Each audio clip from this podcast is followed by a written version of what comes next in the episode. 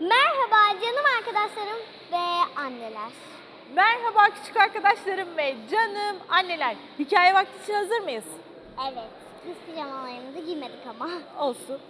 Evet, herkes hazırsa lafı çok fazla uzatmadan çok güzel bir hikaye sizleri bekliyor. Hikayemizin adı neydi?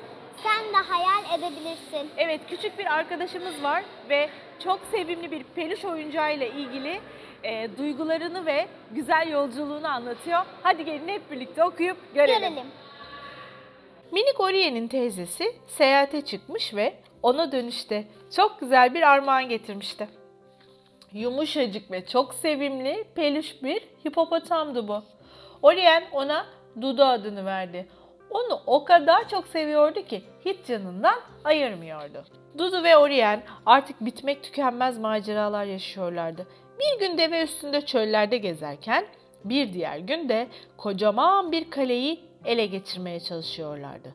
Yorulduklarında azıcık dinlenip bir şeyler atıştırıyorlar. Ardından da bir uçağa atlayıp dünyanın dört bir yanını dolaşıyorlardı. Tıpkı ikiz gibiydiler. Ama bir sabah Dudu'nun canı oyun oynamak istemedi. Ne olmuştu ki? Orion ona ne olduğunu anlamaya çalışıyordu. Hey, uyansana. Hadi gel. Hadi gel beraber.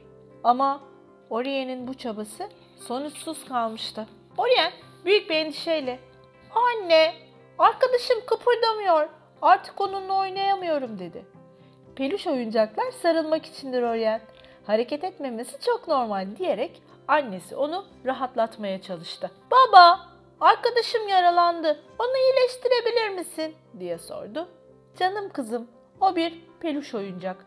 Peluş oyuncaklar biliyorsun ki canlı değildir diye açıklama yaptı babası. Büyükler onu hayal kırıklığına uğratmıştı.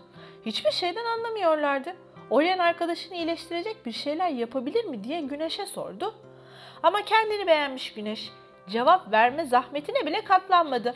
Sonra ovaların kralı koca meşe ağacına danıştı. Ancak o da anlaşılmaz sözcükler mırıldanmaktan başka bir şey yapmadı.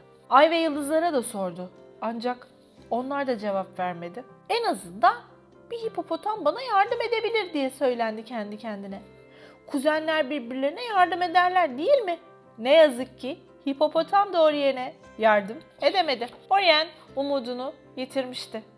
Yaşlı bir adam bankta başını öne eğmiş oturan küçük kızı görünce neden diğer çocuklarla oynamıyorsun diye sordu. Bu benim arkadaşım. Artık benimle oynamak istemiyor diye cevap verdi Oriyen. Demek öyle. Gerçekten de çok fazla hareket etmiyor diye doğruladı yaşlı adam. Ben bir şey biliyorum. Bununla her şeyi canlandırabilir, bulutların tepesine kadar çıkabilirsin. Hatta başka gezegenleri ziyaret edebilir, harika dünyalar yaratabilirsin. Sabırsızlanan Orion, nedir o şey? Peri tozu mu? Sihirli bir formül mü yoksa? Bir roket mi? diye sordu.